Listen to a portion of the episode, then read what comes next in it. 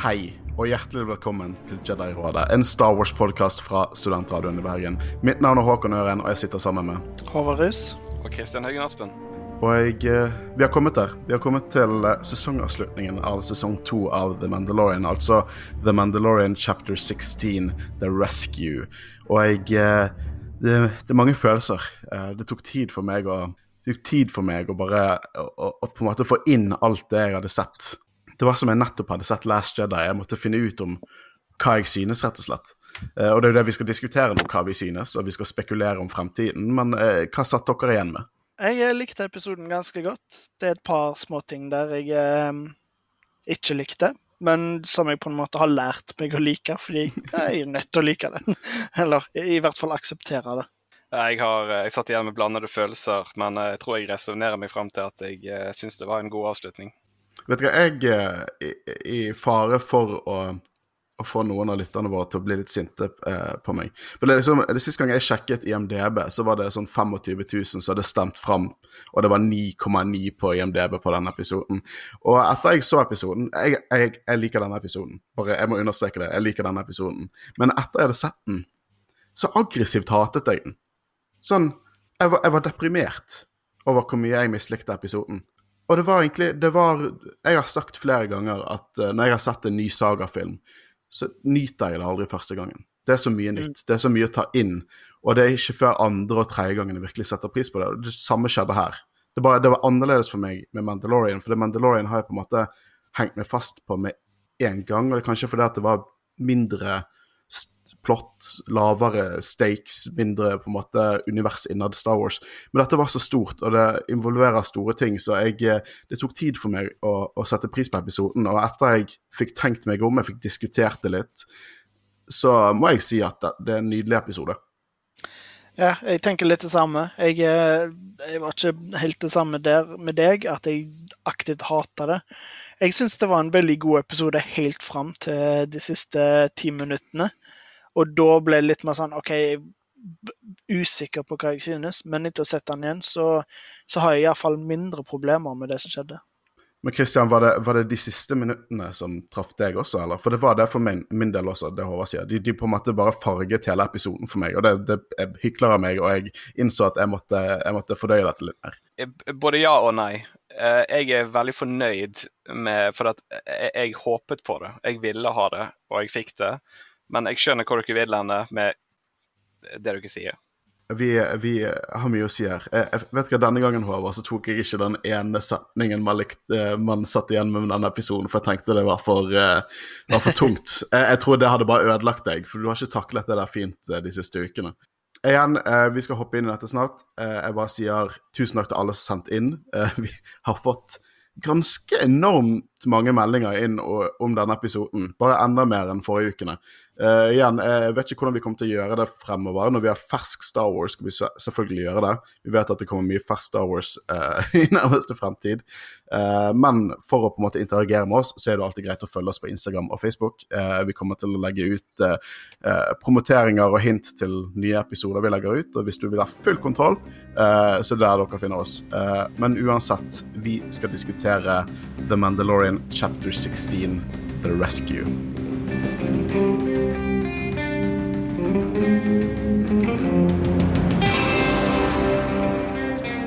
Jeg må advare om at dette her er en spoiler-podkast, så hvis ikke du har sett episoden, så må du skru av nå. May the spoilers be with you.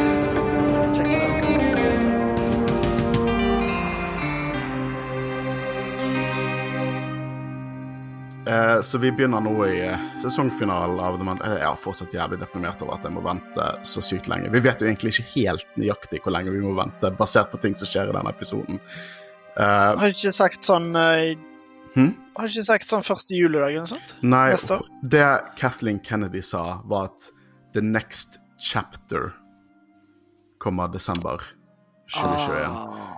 Eh, og jeg, Men det det, kan vi være kan tenke, forskjellige vi har jo Andor-serien kommer jo før det, så vi har jo noe å se fram til. Nei, Andor-serien kommer ikke før 2022, ikke?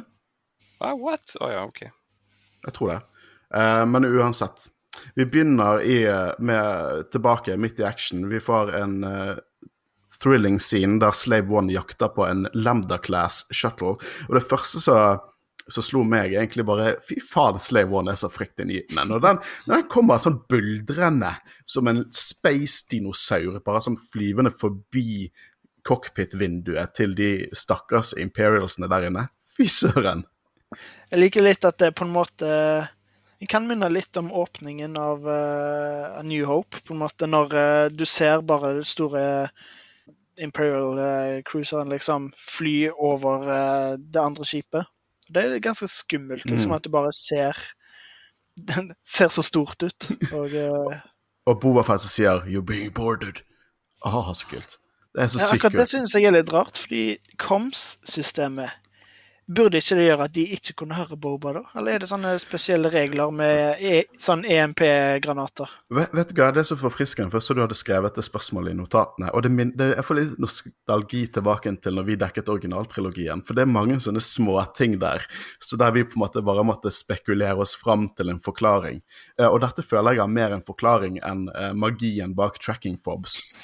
uh, fordi at jeg synes at det kan godt hende at de har stoppet deres mulighet til å sende ut et uh, Sende ut en uh, transmission, eller så du skriver sånn Du skrev jo uh, et kom-system for å snakke med andre folk på galaksen. Det er jo sikkert ulike varianter eller subsystemer av et kom-system. Men jeg, jeg, tenker liksom de har, de har stoppet deres mulighet for å liksom sende ut signaler, men de kan fortsatt mm. ta imot.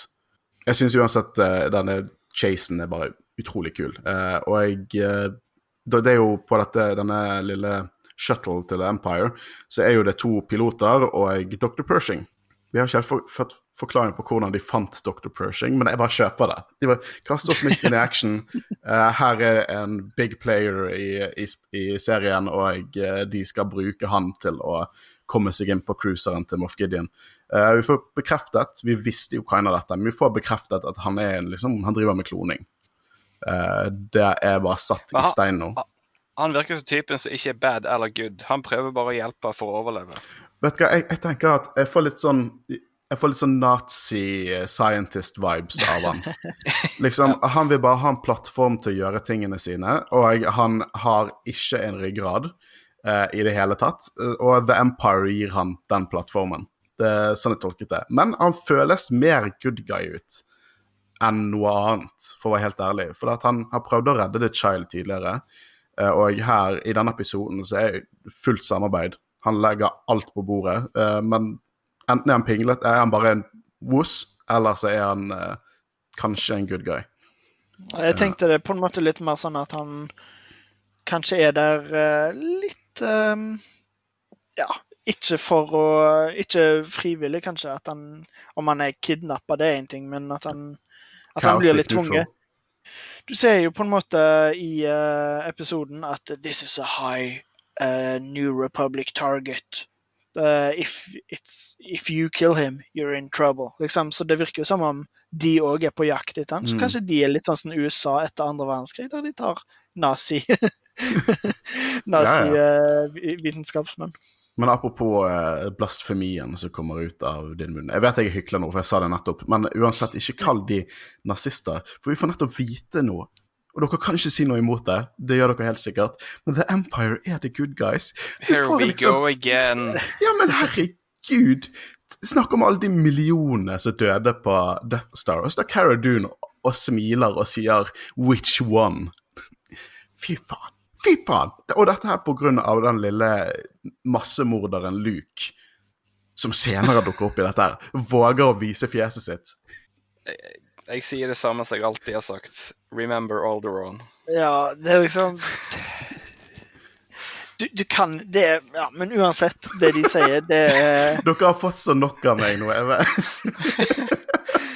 Jeg liker vi får vite Det går ikke an å, å diskutere med deg. Vi skal ha en, en episode der, vi, der jeg faktisk Men jeg skal slutte å mime. Eh, vi skal ha en bonusepisode der vi skal diskutere dette. Når, vi, når studien åpner igjen, så skal vi diskutere, og jeg skal vinne, tror dere meg. Ja, det, er, det er faktisk en bonus jeg gleder meg til. Men uansett så er det veldig kjekt å høre sånne ting, fordi det er på en måte ting vi har snakka om tidligere, med at ja, det var jo folk på Death Star, og som vi har sagt ganske mange ganger før, jeg elsker når det er gråsoner i Star Wars. At det er på en måte bare At du kan diskutere sånn om det er en bad guy Men den lille tingen som, eh, som vi fikk, liksom Det er mye god story, eller verdensutbygging her.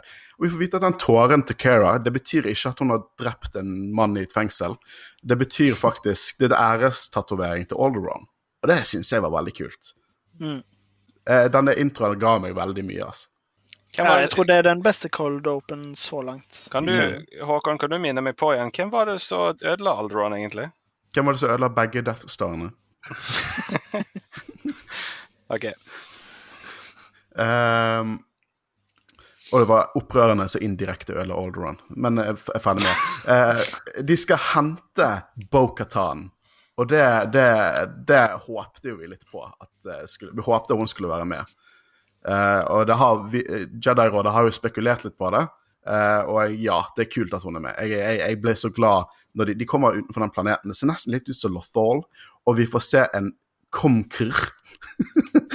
Class Fighter, eller det som de fleste kjenner det som, en Mandalorian Gauntlet uh, Starfighter. Og det er et så sykt kult skip. Vi har sett det i Clone Wars, vi har sett det i Rebels, og jeg har alltid hatt lyst til å se det i live action. Og nå får jeg se det, bare at det ikke flyr. Men jeg får se det, og det gir meg håp til at vi kommer garantert til å få se noe awesome Gauntlet Starfighter-action i sesong to. Det er tre. Det er veldig kult å se det. Vær, vær, veldig kult. Uh, og Christian, to dusørjegere går inn i en bar.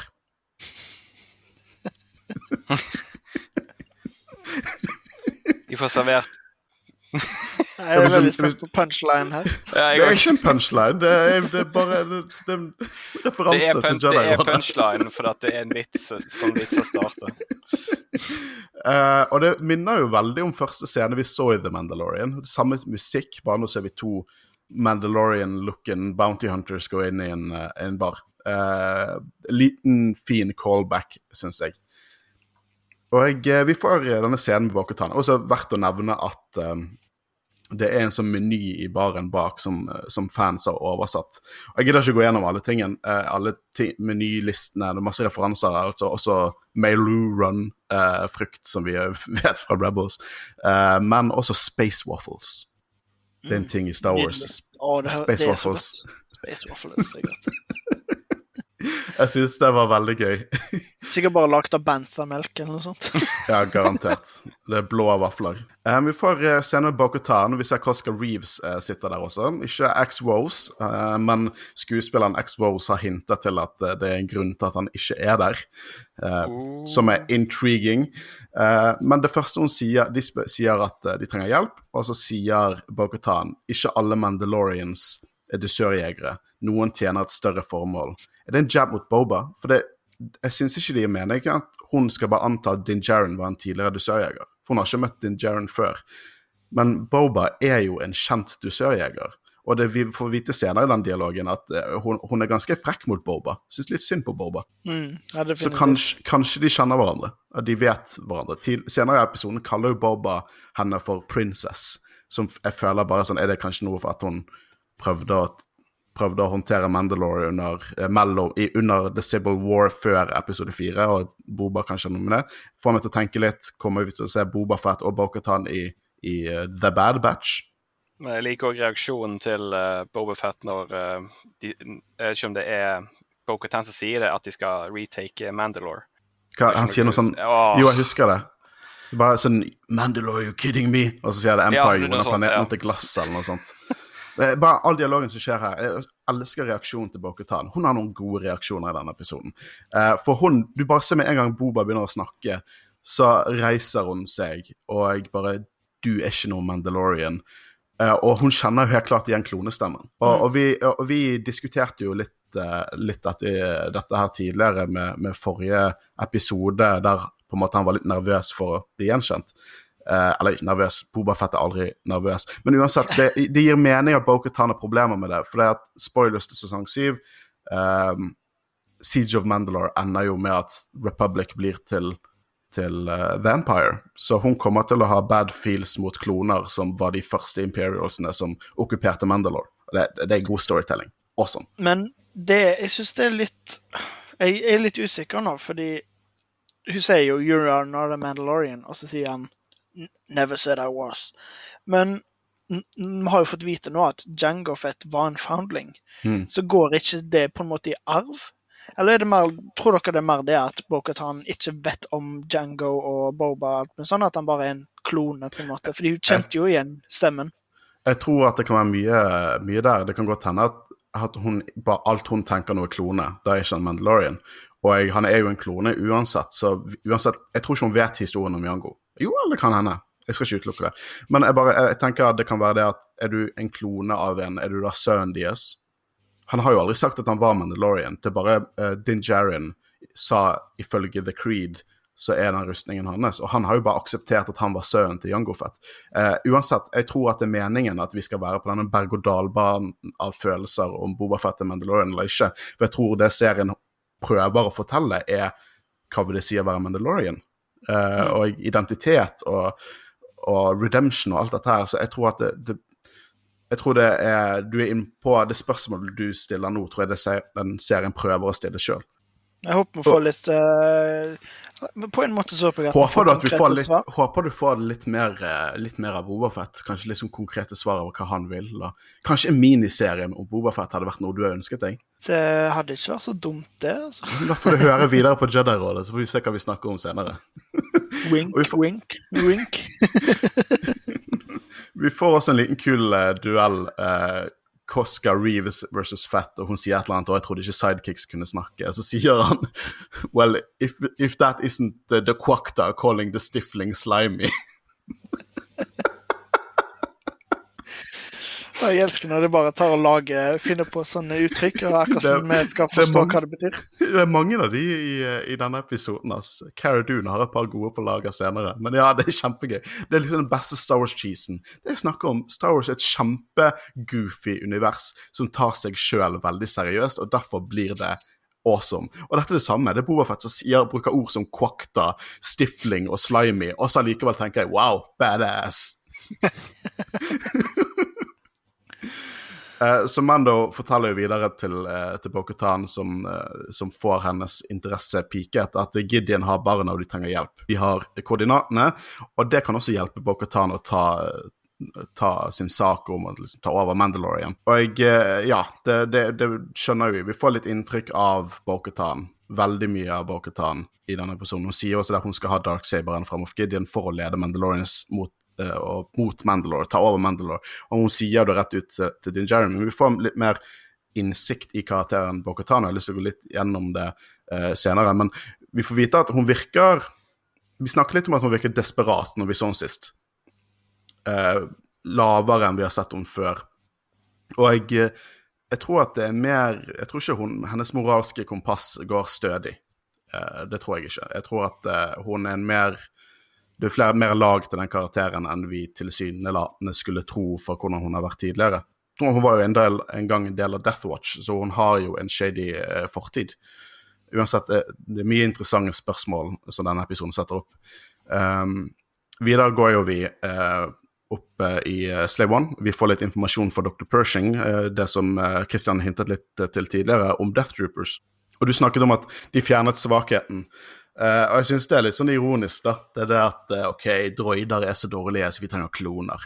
Uh, kloner blir stormtroopers. stormtroopers blir droider. Det er liksom full circle, it rhymes.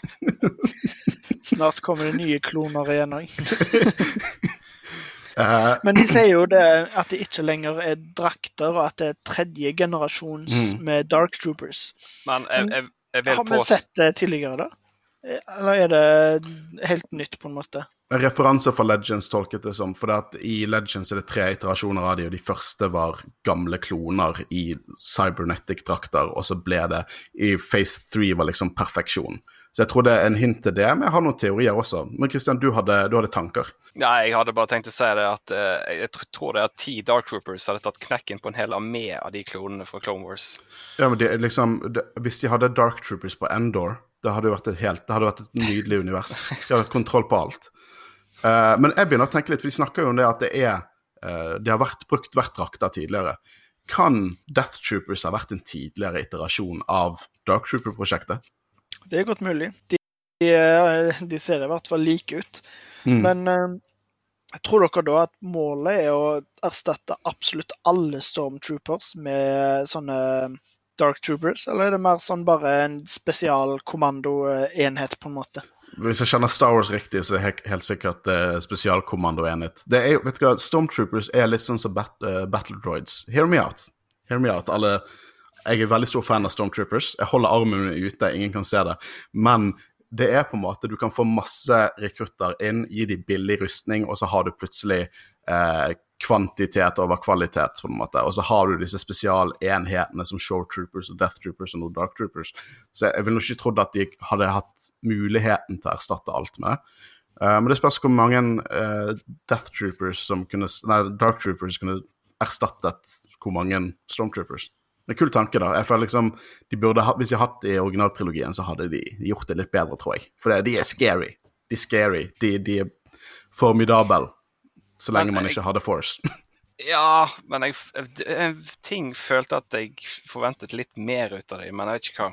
Så. De var jo ganske skumle helt fram til en, en magisk Hvis, uh, wizard kom. Altså, han, han, knuste de som at de var ingenting.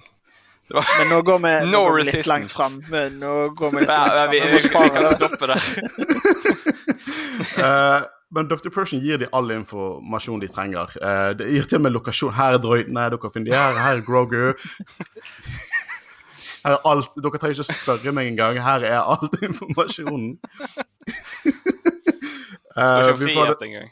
Nei, sant. Det er bare, han bare følger med. Jeg vet ikke om han er en good guy eller ikke. Jeg, jeg, jeg tviler. Jeg vet ikke. Jeg vet ikke, jeg, jeg, klarer ikke helt å pinpointe hva han vil, eller hva som er dealen med den karakteren. Men jeg, føler vi får se han igjen. Det, det er noe det. spesielt med han. Sånn, hvordan han blir spilt, og hvordan scenene hans er spilt inn. Det føles som en karakter som kommer til å dukke opp igjen. Men Bokhatan planlegger infiltrasjonen og viser seg til å være en god leder, egentlig. Uh, og vi får enkelt sagt fire badass fimalis som skal aggroe, mens Mando går og finner Grogu. Uh, og uh, her kommer en ny sånn setning som jeg bare hang meg skikkelig fast på. Uh, for liksom Those Dark Troopers gonna be a real skank in the scud pie. Pass på munnen din, Cara, for det hørtes skittent ut. Ja, jeg, jeg, kan tenke meg at John Pavro bare har kost seg så mye med å bare finne på rare ting i denne episoden. Og så skal det være så seriøs scene også. Jeg elsker det. Uh, Bo understreker jo også det at uh, Moff Gideon må overgi seg til henne.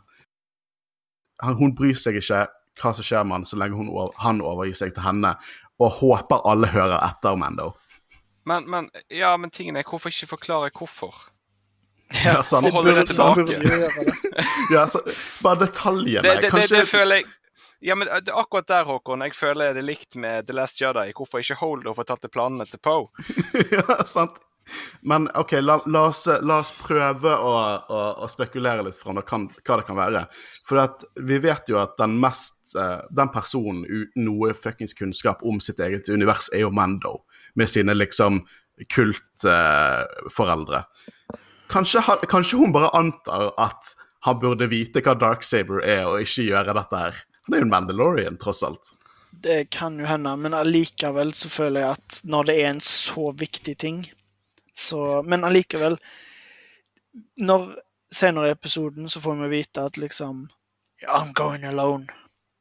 Da burde jo hun på en måte sagt at ja, mm. men hvis Gideon er der, bare før han til meg. og så blir det en stor sånn scene der Mando driver og sånn kiter Gideon. Gideon, this way, this way. um, så hele poenget her er at Boba han skal være Slave One, og han skal late som han jakter på Lambda-skipet utenfor cruiseren til Gideon. Uh, og her er det han kaller han Princess, som jeg syns var veldig gøy. Uh, det er nesten som den, er, en, det er en enda mer badass versjonen av Han Solo og Leia med Boba Fett og Bo-Katan. All the Bows. All the Bows er med. Jeg skulle kalle denne episoden jeg, jeg, vet allerede, jeg vet allerede hva som kommer til å skje. De kommer til å bange. Men det er jo så upassende, for det at uh, Katie Sackhoff sin karakter er jo betraktelig eldre enn Boba Fett. ja, ja. Alder er bare et tall. uh, men etter mye om og menne, så om å menne, ja. Så krasjlander de i cruiseren til Gideon. Og det er en ku... Liksom Spacefightene her er utrolig kule. Uh, det, det er småting som hvordan Iron-kanonene treffer skipet i begynnelsen av episoden, som virkelig får meg til å tenke at wow, de bryr seg over sinnssyke detaljer i Star Wars. Det er virkelig fans uh, som lager uh, dette her. Og det, vi, vi driver og slår en død hest, eller en levende hest, når det er en positiv ting, men det ser dritbra ut. Mm. Uh, og så når vi kommer inn her og vi får liksom her har vi liksom fire badass damer, og alle ser livsfarlige ut. På hver sin sin måte, liksom. Det, det er nesten som, nesten som et sånn fighting-spill.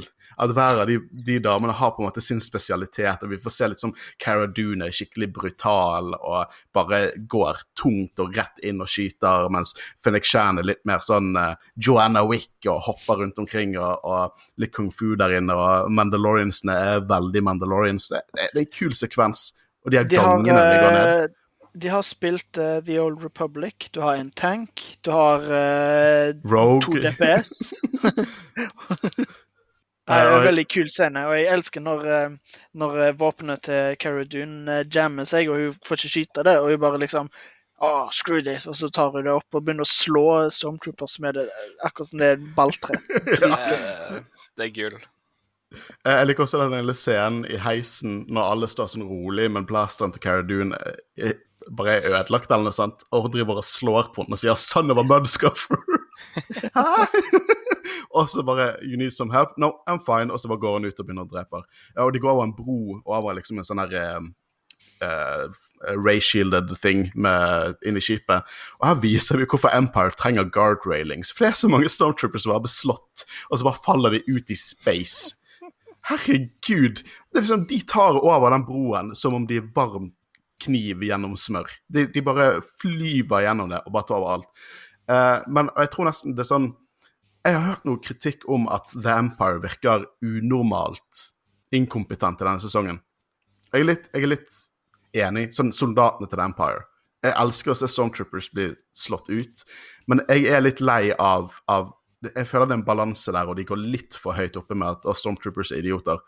Uh, Kanskje litt, men samtidig så er det jo det er mye færre av de òg, så det er på en mm. måte Jeg føler at det er litt annerledes igjen òg. Jeg føler at Hvis de overlevde borgerkrigen, så burde dette vært litt mer elite enn det de er. Men, men poeng, poenget mitt her, jeg tror at de viser hvor lett de tar ut Stormtroopers, og så gir de oss den syke kampen. For at Mando han løper jo inn til, til Dark Troopers, og så ser han at de akkurat er aktivert. Han prøver å lukke døren, men én kommer ut. Og vi får den sykeste kampen mellom, til, mellom Mando og én Dark Trooper. Uh, scary ass Dark Trooper. Som han begynner å slå Beskar-hjelmen hans og bare inn i veggen. Uh, jeg synes at de viste sinnssykt godt hvor formidable bare én er. Og, og mens alle de andre Dark Troopers driver banker på de rutene og uh, Terrifying. De var jævlig bra laget. Det viser òg hvor mye Besker tåler. Fytti katta. Ja.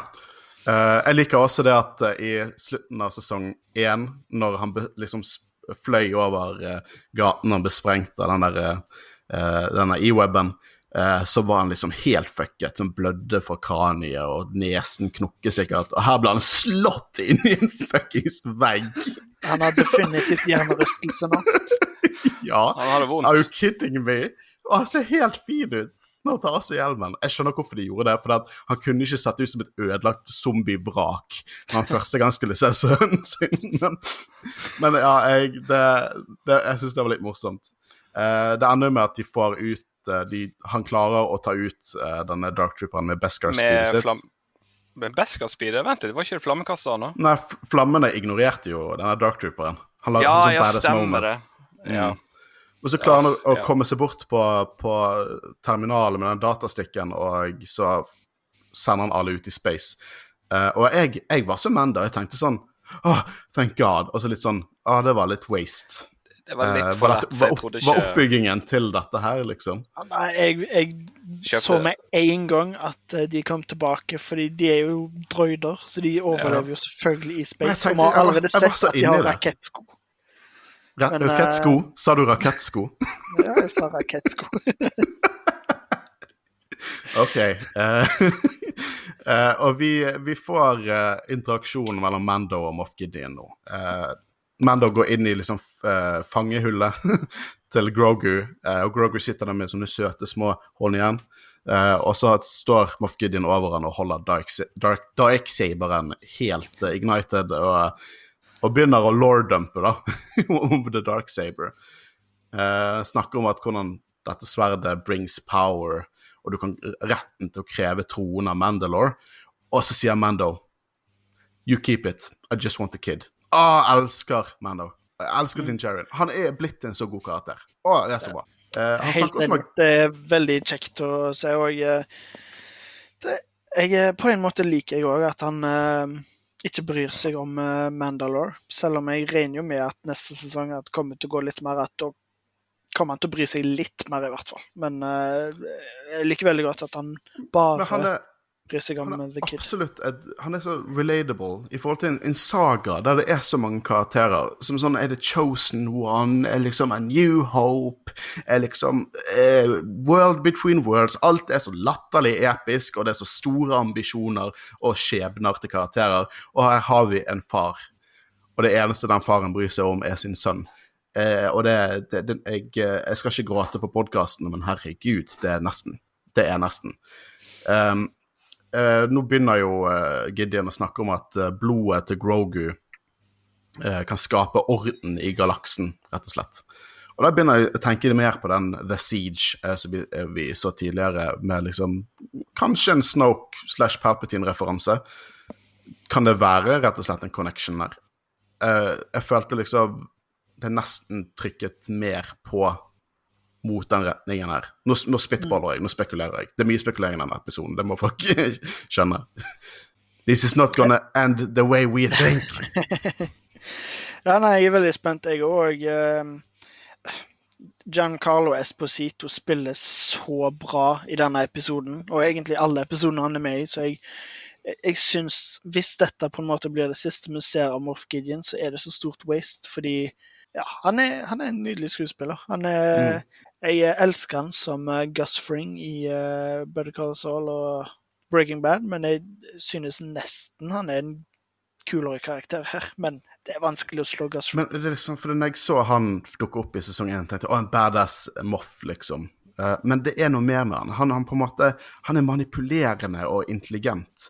Sånn, Han fikk meg nesten til å tenke Hæ, er det noe good guy igjen?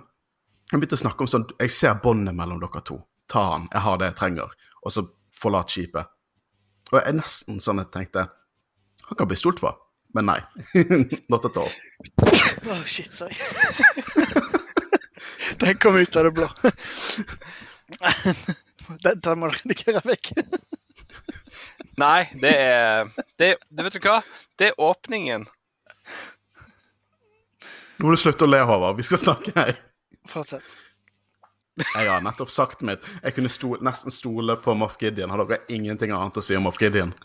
Um, Jo, Altså- jeg er helt enig, men samtidig så følte jeg liksom at det er for godt til å være sant. Så jeg, jeg trodde at noe kom til å skje, og det gjorde det jo selvfølgelig.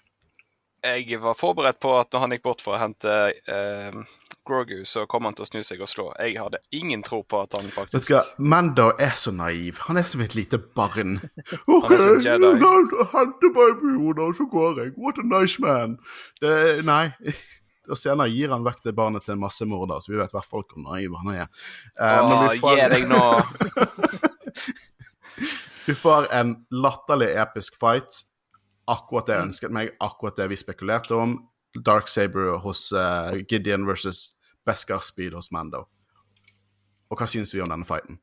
Ja, Kjempebra. Kult koreografert. Og um, selv om jeg vet at Beskar tåler lightsabere, så var det på en måte Måten spydet ble helt rødt. Så jeg, liksom- tenkte jeg liksom Åh, kommer det til å bli ødelagt? Kommer det til å bli ødelagt? Men uh, det gjorde det ikke. Og jeg er overraska over hvor flink Moff Gideon var til å slåss. Det var liksom, Han er Mm. ikke bare en general som er mektig fordi han er mektig, men han er han er liksom han, han klarte seg relativt greit mot en faktisk Mandalorian, så Ja, Mando hadde ikke det lett der. eh, men men jeg, det, det, var, det var sinnssykt det, det så så kult ut. Og lyddesignet, og liksom hver gang Gideon svingte den sabelen, så var det jeg liksom ble skikkelig tens hver gang det skjedde. Eh, det så og hørtes utrolig ut. Og det var egentlig akkurat, det var akkurat sånn jeg ville fighten skulle være. Uh, den er litt kort, men uh, nei, jeg syns den, den traff akkurat de riktige punktene som jeg Jeg syns det var awesome. og når Mando til slutt tar han ut da og holder spydet mot han, så tenkte jeg bare Ah, yes or no! men men Bo-Katan! Faen! Jeg, jeg likte Men- veldig godt når han på en måte sa mm, You're sparing my life. This is gonna get interesting. For den, da visste han liksom akkurat hva som kom til å skje. Ja, det var gøy. Men jeg, jeg er enig i alt dere sier. Koreografien, uh, lydsett, alt sammen. Uh, eneste Hadde vært kult hvis det var litt mer sånn uh, bevegelse, da. At de hadde gått gjennom flere korridorer av skipet på en måte, og gjort det litt mer dramatisk. Men det er bare meg. Nei, men Over jeg, the jeg kan top. skjønne den. Men jeg vet at en av lytterne våre sendte inn noen kommentarer på det også. Men jeg bare tenker, dette er to folk som fekter, og ingen av de har The Force. Og da setter jeg nesten litt sånn pris på at det er litt mer Det er mindre Enkelt. liksom svære, episke force powers her. Det er liksom to folk som bare prøver å slå på hverandre. Er akkurat, ja, jeg er helt enig. Merker jo at uh, selv om han er veldig habil uh, sverdkamp, på en måte, så han har ikke så mye teknikk i forhold til Jedier og Sither Mm. og sånn. Eh, Men i og med at Moff Gideon kom ut av dette her i live, så tror ikke jeg det er det siste vi ser av han. Nei, jeg- jeg tror han kommer tilbake. Garantert. Uh, men når de går tilbake til broen, og det, det er Mando som går med Darksaberen ignited og bare holder Moff Gideon fanget foran seg. Jeg tenkte bare med en gang på at han sitt fjes dukker opp. hun, og hun er så sykt sjokkert og bare Hva faen skjedde? og det her, er det her Gideon virkelig viser hvor slimete og kniving han er. Og formidler bare sånn uh, at um, Oh, you fucked up. For det er Bo-Katan hun har tatt The Darksaber fra en fiende i liksom kamp for å claime tronen. Og så sier Mando uh, OK, I yield. It's yours. Elsker din Jarian. Jeg elsker din Jarian. Det, det er så gøy når han bare er sånn uh, OK, vær så god. Uh, I don't care. Men eh, ja, jeg syns det er litt rart at eh, når det er så få som er der, at det ikke bare går an å lyge litt, eller liksom ha en litt sånn lekeslåss, slå litt her og Ja. der, og så bare Er det virkelig så viktig Nei, at det jeg, er faktisk fiende jeg, som jeg, jeg, leste jo det skrevet det i notatene. Det første jeg tenkte på, at det er, det er vel det å ha æren i behold. Mm. Ikke det? Ja, det er det Jo, jeg jo, jeg er helt enig. Det, han sier jo sjøl The Darksaber doesn't have power, the story does. Ok, Mm. Se for deg denne historien hun skal komme med. Ja, så denne Big Bad Imperial hadde Darksaber, som buddy av meg tok den fra han i combat, og så lekeslåss vi, og så fikk jeg den. Eh, Ja, Hello, jeg... Mandalore, this is mine. Jeg kan lyge litt. Er det liksom Det er fuck is Mandalorian? Har du sett denne serien? det er jo liksom Ja, jeg har jo det. Men eh, det er, det er veldig kult. Og eh, det er en elefant i rommet. Eh, fordi at eh, sist gang hun hadde The Dark Saber, det var rett før episode 4, det var før The Purge, det var når Empire hadde kontroll over Mandalore. Hun fikk den. Hun ble tilbudt den for at hun skulle lede Mandalore. Og eh, det var jo veldig annerledes enn det som skjer her. For hun er jo helt, hun er en eksistensiell krise, for hun mistet hun, hun kan ikke ta bare imot den. Og det matcher jo ikke helt sammen. Bortsett fra at eh, folk trenger å chille. For husker dere at vi så den serien som heter Mandalorian sesong 1, og Mandalorians kunne ikke fjerne hjelmene sine, og vi tenkte eh, det matcher ikke opp, og så fikk vi et latterlig godt svar på hvorfor akkurat disse Mandaloriansene ikke fjerner hjelmene. Eh, eh, Dave Filoni han har, skre, han har jobbet med uh, Rebels. Dette er liksom Rebels, Clone Wars, Mandalorian. Mye av dette er hans historier. Han kommer til å gi oss et svar. Men la oss spekulere litt. Hvorfor har hun tidligere tatt imot The Dark Saber, men nå føler hun at hun ikke kan gjøre det? Uh, kan det ha noe med at hun fikk han av en annen Mandalorian som, uh, som ikke ville ha tronen? Eh, Nei, det gir jo ikke mening, fordi det vil jo ikke Din Jaren heller. Har vel kanskje litt med eh, at det ikke Men gikk så hva bra. om, hva om du er døende, holdt på å si? Kan du da gi han fra deg? At du dør? Ja, det kan godt hende. Men jeg har en tanke. Jeg har en tanke. Eh, vi vet at hun tok imot Darksaberen før, og hun skulle ta et opprør mot The Empire. Det gikk ikke bra. Eh, det ble The Purge. Det ble, eh, Mandalore ble til glass, uh, ifølge Boba Fett. Uh, så hennes forrige liksom rebellion gikk ikke bra. Og det kan godt hende at det var mange Mandalorians som ikke ville joine noen fordi at hun bare hadde fått The Dark Saber. Vi vet jo tidligere, hun sa jo til Boba Fett og Cosca Reeves at hvis uh, Mandalorians hadde sluttet å slåss sånn som det der, så hadde vi kanskje klart å vinne over The Empire. Det kan tyde på det. Vi vet jo også at det ikke gikk bra. Kanskje hun trenger denne historien for å kunne samle Mandalorians. Hun kan ikke, hun kan ikke ha feilet to ganger å få den darksaberen med ære. Uansett, uh, uansett hvordan den historien går, så vet jeg Nei, nei, nei, nei, nei, nei jeg hører deg. Jeg hører deg. Lytteren, altså du som sier at uh, dette gir ikke mening, jeg lover deg, vi kommer til å få en 110% forklaring på dette her. Ikke tvil på det. Dette er ikke hvem som går imot hverandre. Dette, dette er et spørsmål, og vi kommer til å få et svar. Men uansett så viser jo dette hvor idiotisk idé det er å ha Basere hele det demokratiske systemet sitt på et lightsaber. Ja, men det er, jo, det, er jo, det er jo det som er litt spennende, da, og litt dette med hva det vil si å være Mandalorian. Og det jeg tenkte veldig godt når, når uh, Bo-Katan bare sto der, og jeg nesten begynte å tenke skal hun prøve å drepe han nå? Uh, for det er liksom sånn, Tidligere så har vært, han var fanatikeren. Det var han som ikke ville fjerne hjelmen sin. Nå er det hun som står der og er bundet av tradisjon. Og det er bare de har byttet plass. Sånn som jeg leste ansiktet hennes når hun bare sto der, var at hun ikke visste helt hva hun skulle gjøre. Det, sånn, vet du sånn- hva, jeg, jeg, jeg, tror at det, hun har tapt sjansen sin nå. Eh, hun kan ikke bli Mandalore nå. Ikke på en ærefull måte. Hvis ikke eh, Din Jaren bare plutselig går amok og prøver å drepe alle sammen, og hun bare sånn Yes, her er sjansen min, nå kan jeg redde folk og drepe han. Så skjer ikke det. Hun har, hun, hun har mistet sjansen sin til å bli Mandalore. Og hun ser det. For det Bo-Katan er mye ting, og jeg tror kanskje at hun er litt mer Hun er litt mer glad Hun vil litt mer ha denne makten enn hun burde ha lyst til å ha makten men hun har mistet sin sjanse til å bli The Mandalore på, på de fleste mulige måter. Og jeg syns det åpner opp til helt ekstrem interessant storytelling eh, når det gjelder liksom kulturen og historien til Mandalorians i denne serien, hvordan det går fremover. Det, det virkelig bare mm, gjør meg svett, liksom jeg slever i munnen bare av å tenke på det. Åh, nå, jeg gleder meg. Ja. Så må vi vente så lenge til sesong tre. ja, det, det, er det som er grusomt. Men ja, jeg er òg uh, veldig spent på hva som kommer til å skje, fordi uh, i utgangspunktet så føler jeg liksom at Din Jaren ikke vil ha tronen. Men det kan godt hende at ting endrer seg. Vet du hva som er, hva som er en trope som bare virkelig treffer, uh, treffer meg? The Reluctant King. Det er en kjempeklisjé, men jeg elsker liksom, Eh, nå snakker jeg om Ringenes herre-filmene, for litt annerledes enn bøkene. Men Aragorn i Ringenes herre-filmene bare sånn, Han vil ikke ha tronen, men så tar han tronen, og så får vi Return of the King. Det er liksom, ah, det er så awesome. Uh, og en litt annen. Eh, Reluctant King er jo uh, selvfølgelig John Snow. I don't want it. og jeg gleder meg til memesene. Jeg gleder meg så sykt til memesene.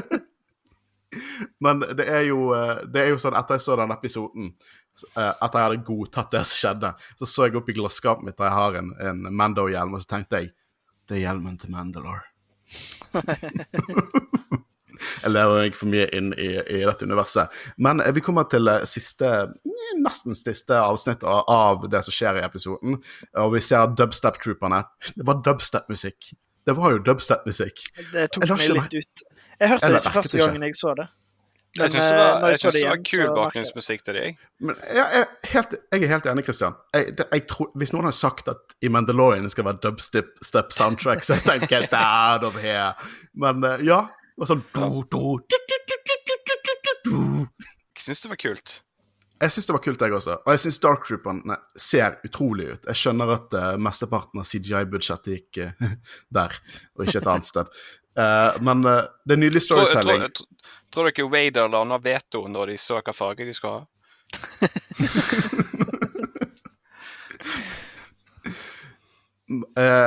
jeg bare må si at denne ene kampscenen vi fikk mellom en Dark Trooper og Din Jaren tidligere i episoden, uh, virkelig hjalp på den frykten jeg hadde nå. For når de dukker opp igjen, alle sammen dukker opp igjen, jeg var livredd. Jeg var livredd. Stakesene var så latterlig høye. Jeg trodde ikke liksom, Ja, jeg vet jo egentlig at det kind of går fint, men der og da jeg så den, så tenkte jeg hvordan i helvete skal de komme seg ut av dette? Og, og serien vil jo at vi skal tenke sånn. Og, og liksom, de, de er der inne. Eh, Gideon sier om, om noen par strakser så kommer alle i dette rommet til å være døde, bortsett fra meg og barnet. Grogu ligger der utmattet. Han og, han og Mando har liksom ikke fått tid til å sagt hei til hverandre engang. Og så kommer disse forbanna Terminator-trooperne, og alt går til helvete. Men så stopper det litt opp. Vi ser at en X-Wing dukker opp. Og, så, og det reiste meg opp. Jeg tog, eh, nær skjermen så begynte jeg å tenke nei. Ikke faen. Fra dette punktet så hadde jeg eh, sånn et svært smil gjennom resten av episoden. Jeg bare Jeg lo ukontrollert, og ikke bare Ikke lo fordi det var løgn, mer sånn Det, Det var ganske kult. ja, men det er nesten så de, de lekte med følelsene våre. For sånn Hæ? Og så ser vi en fyr med kappe, så sånn Aha. Og så ser vi en lightsaber, men det er ikke farge på den. Det er selvfølgelig for De ser gjennom disse kameragreiene, og så bare Oh my god, det er Luke! Luke Skywalker. Altså, altså er- personlig Så jeg, jeg, jeg skjønte det når jeg så X-Vingen. OK, jeg, det er Luke, men det virker som de ga oss ett hint om gangen, liksom. Det var ganske stilig. Men jeg Tenk, nektet tenk om det hadde vært en sånn fake-out, at det liksom var en helt annen. Det, det hadde, Men jeg, jeg tenkte jo jeg, jeg, Når jeg så det grønne lightsaberen, så tenkte jeg nei, det er ikke Luke. Men så så jeg lightsaber-håndtaket. Jeg kan mine lightsaber-håndtak. Og da, da sa jeg det er Luke Skywalker. Så jeg, jeg levde Jeg benektet det så mye helt til liksom Det må være Luke Skywalker. Og det er Luke Skywalker. Eh, og jeg, han får sin hallway-scene. Eh, liksom, han får Vader-scenen sin. Bare at han dreper droider, så det blir ikke imot karakteren. Det ser utrolig ut. Eh, og jeg, eh, jeg er så sykt glad på dine vegne, Christian. Ja, det er dette jeg håpet på. Du fikk scenen din. ikke håpet Altså, ikke denne serien generelt sett, men jeg ville at uh, Jeg ville ha denne scenen med Luke, på en måte. Mm. Der, er- Men er det- det, du, du ser jo Altså, det er jo Altså, ta Waders inn i Rogue One. Uh, altså Han fikk leaks og pappa Wader. Ja, det er en Skywalker. Vi så en Skywalker. Det er sønnen til Anakin Skywalker. Men jeg er Ja. også veldig glad for at han dreper droider. For det hadde ikke vært Luke å gå inn der og, og, og bare slakte Stormtroopers. Det hadde ikke vært Luke. Mm, ja, det er helt Men han, men han er der inne og slakter droider, til man knuser den ene droiden på slutten der. Vent, Eh, nydelig. ka, kalte ikke du han en massemorder for ikke så lenge siden? Ja, jeg vet ikke hva jeg sier, OK? Spar det til bonuspodden vår. Eh, og han kommer inn. Eh, nå sier jo Mando bare å åpne opp døren. Vi ser også det at uh, Moff Gideon får panikk og prøver å skyte seg sjøl. og jeg eh, prøver å skyte barnet og er helt grusomt. Men eh, Cara stopper han, da. Eh, så vi kommer til å få se han eh, videre. Eh, og Luke kommer inn. Han har på seg hatten og lightsaberen ignited. Han tar av lightsaberen. Han tar rolig av seg hatten, og så ser han Han ser helt jævlig ut. Sorry, han ser helt jævlig ut. Eh, jeg, jeg liksom Det tok meg helt ut av det. Det, ser ut som en dårlig deepfake. Jeg har sett Mm. bedre på YouTube av helt random folk som lager det. Jeg skjønner ikke hva de tenkte med at dette er akseptabelt nok. Det det er ikke- Så Altså, det er ikke så vanskelig å gjøre bedre, antar jeg. Jeg eh, kan ingenting om sånt, men de må jo kunne gjøre noe bedre. Mm. Eh, Men jeg må si at andre gang jeg så episoden, da så jeg han ikke på en 4K, da så jeg han bare på en vanlig laptop. Det var ikke så ille da, Ja, det var, bedre. det var bedre. Jeg gjorde det samme. Da var det bedre. Altså, jeg, jeg, jeg, men allikevel. Det tok meg jeg- litt ut av episoden. jeg ser at han ser litt sånn off ut, litt creepy, men at det plager dere så mye, det Ja, men det er liksom bare det. Når han bevegde hodet, så var det akkurat sånn ansiktet hang igjen, og så bare oh, Ja. Ups! Så det var og, liksom og munnen Det var ikke sånn han på en måte prøv, også, de- Han ikke prøvd åpnet munnen godt nok når han snakket. Jeg, bare- jeg, bare- jeg ble Nei, der, helt der, ut av er det. jeg enig. Ja. Jeg ble dratt helt ut av det, og det plager meg at jeg ble dratt så mye ut av det. Men det virkelig plagde meg. Uh, for den, denne kampen i, i gangen var helt amazing. Jeg bare, jeg synes det, det så helt grusomt ut. Jeg synes at det fikk Tarkin og Leia til å se ut som liksom mesterverk av CGI. Og de har jo pro- det problematiske CGI. og Jeg synes det så ut som noe vi hadde laget i en Jedi-rådet-sketsj. mm. Men altså, hele scenen fram til han kommer inn til eh, de andre, holdt jeg på å si, det, det var dødskult. Um, Skulle bare ikke ta av seg hatten. Nei. Men bare, eh, nå har vel. Nå har vel Disney Pluss tatt og fjerna Jeans Guy fra den episoden det var. Så det er vel mulighet for de å faktisk bare fikse det opp på et senere tidspunkt. Ja, eh, jeg, jeg har sett litt spekulering på det. Jeg håper det. Jeg håper at de tar og fikser dette her i ettertid, for at, eh, jeg, jeg vil det. For det, det, det ødelegger virkelig mer for meg enn jeg hadde ønsket det gjorde.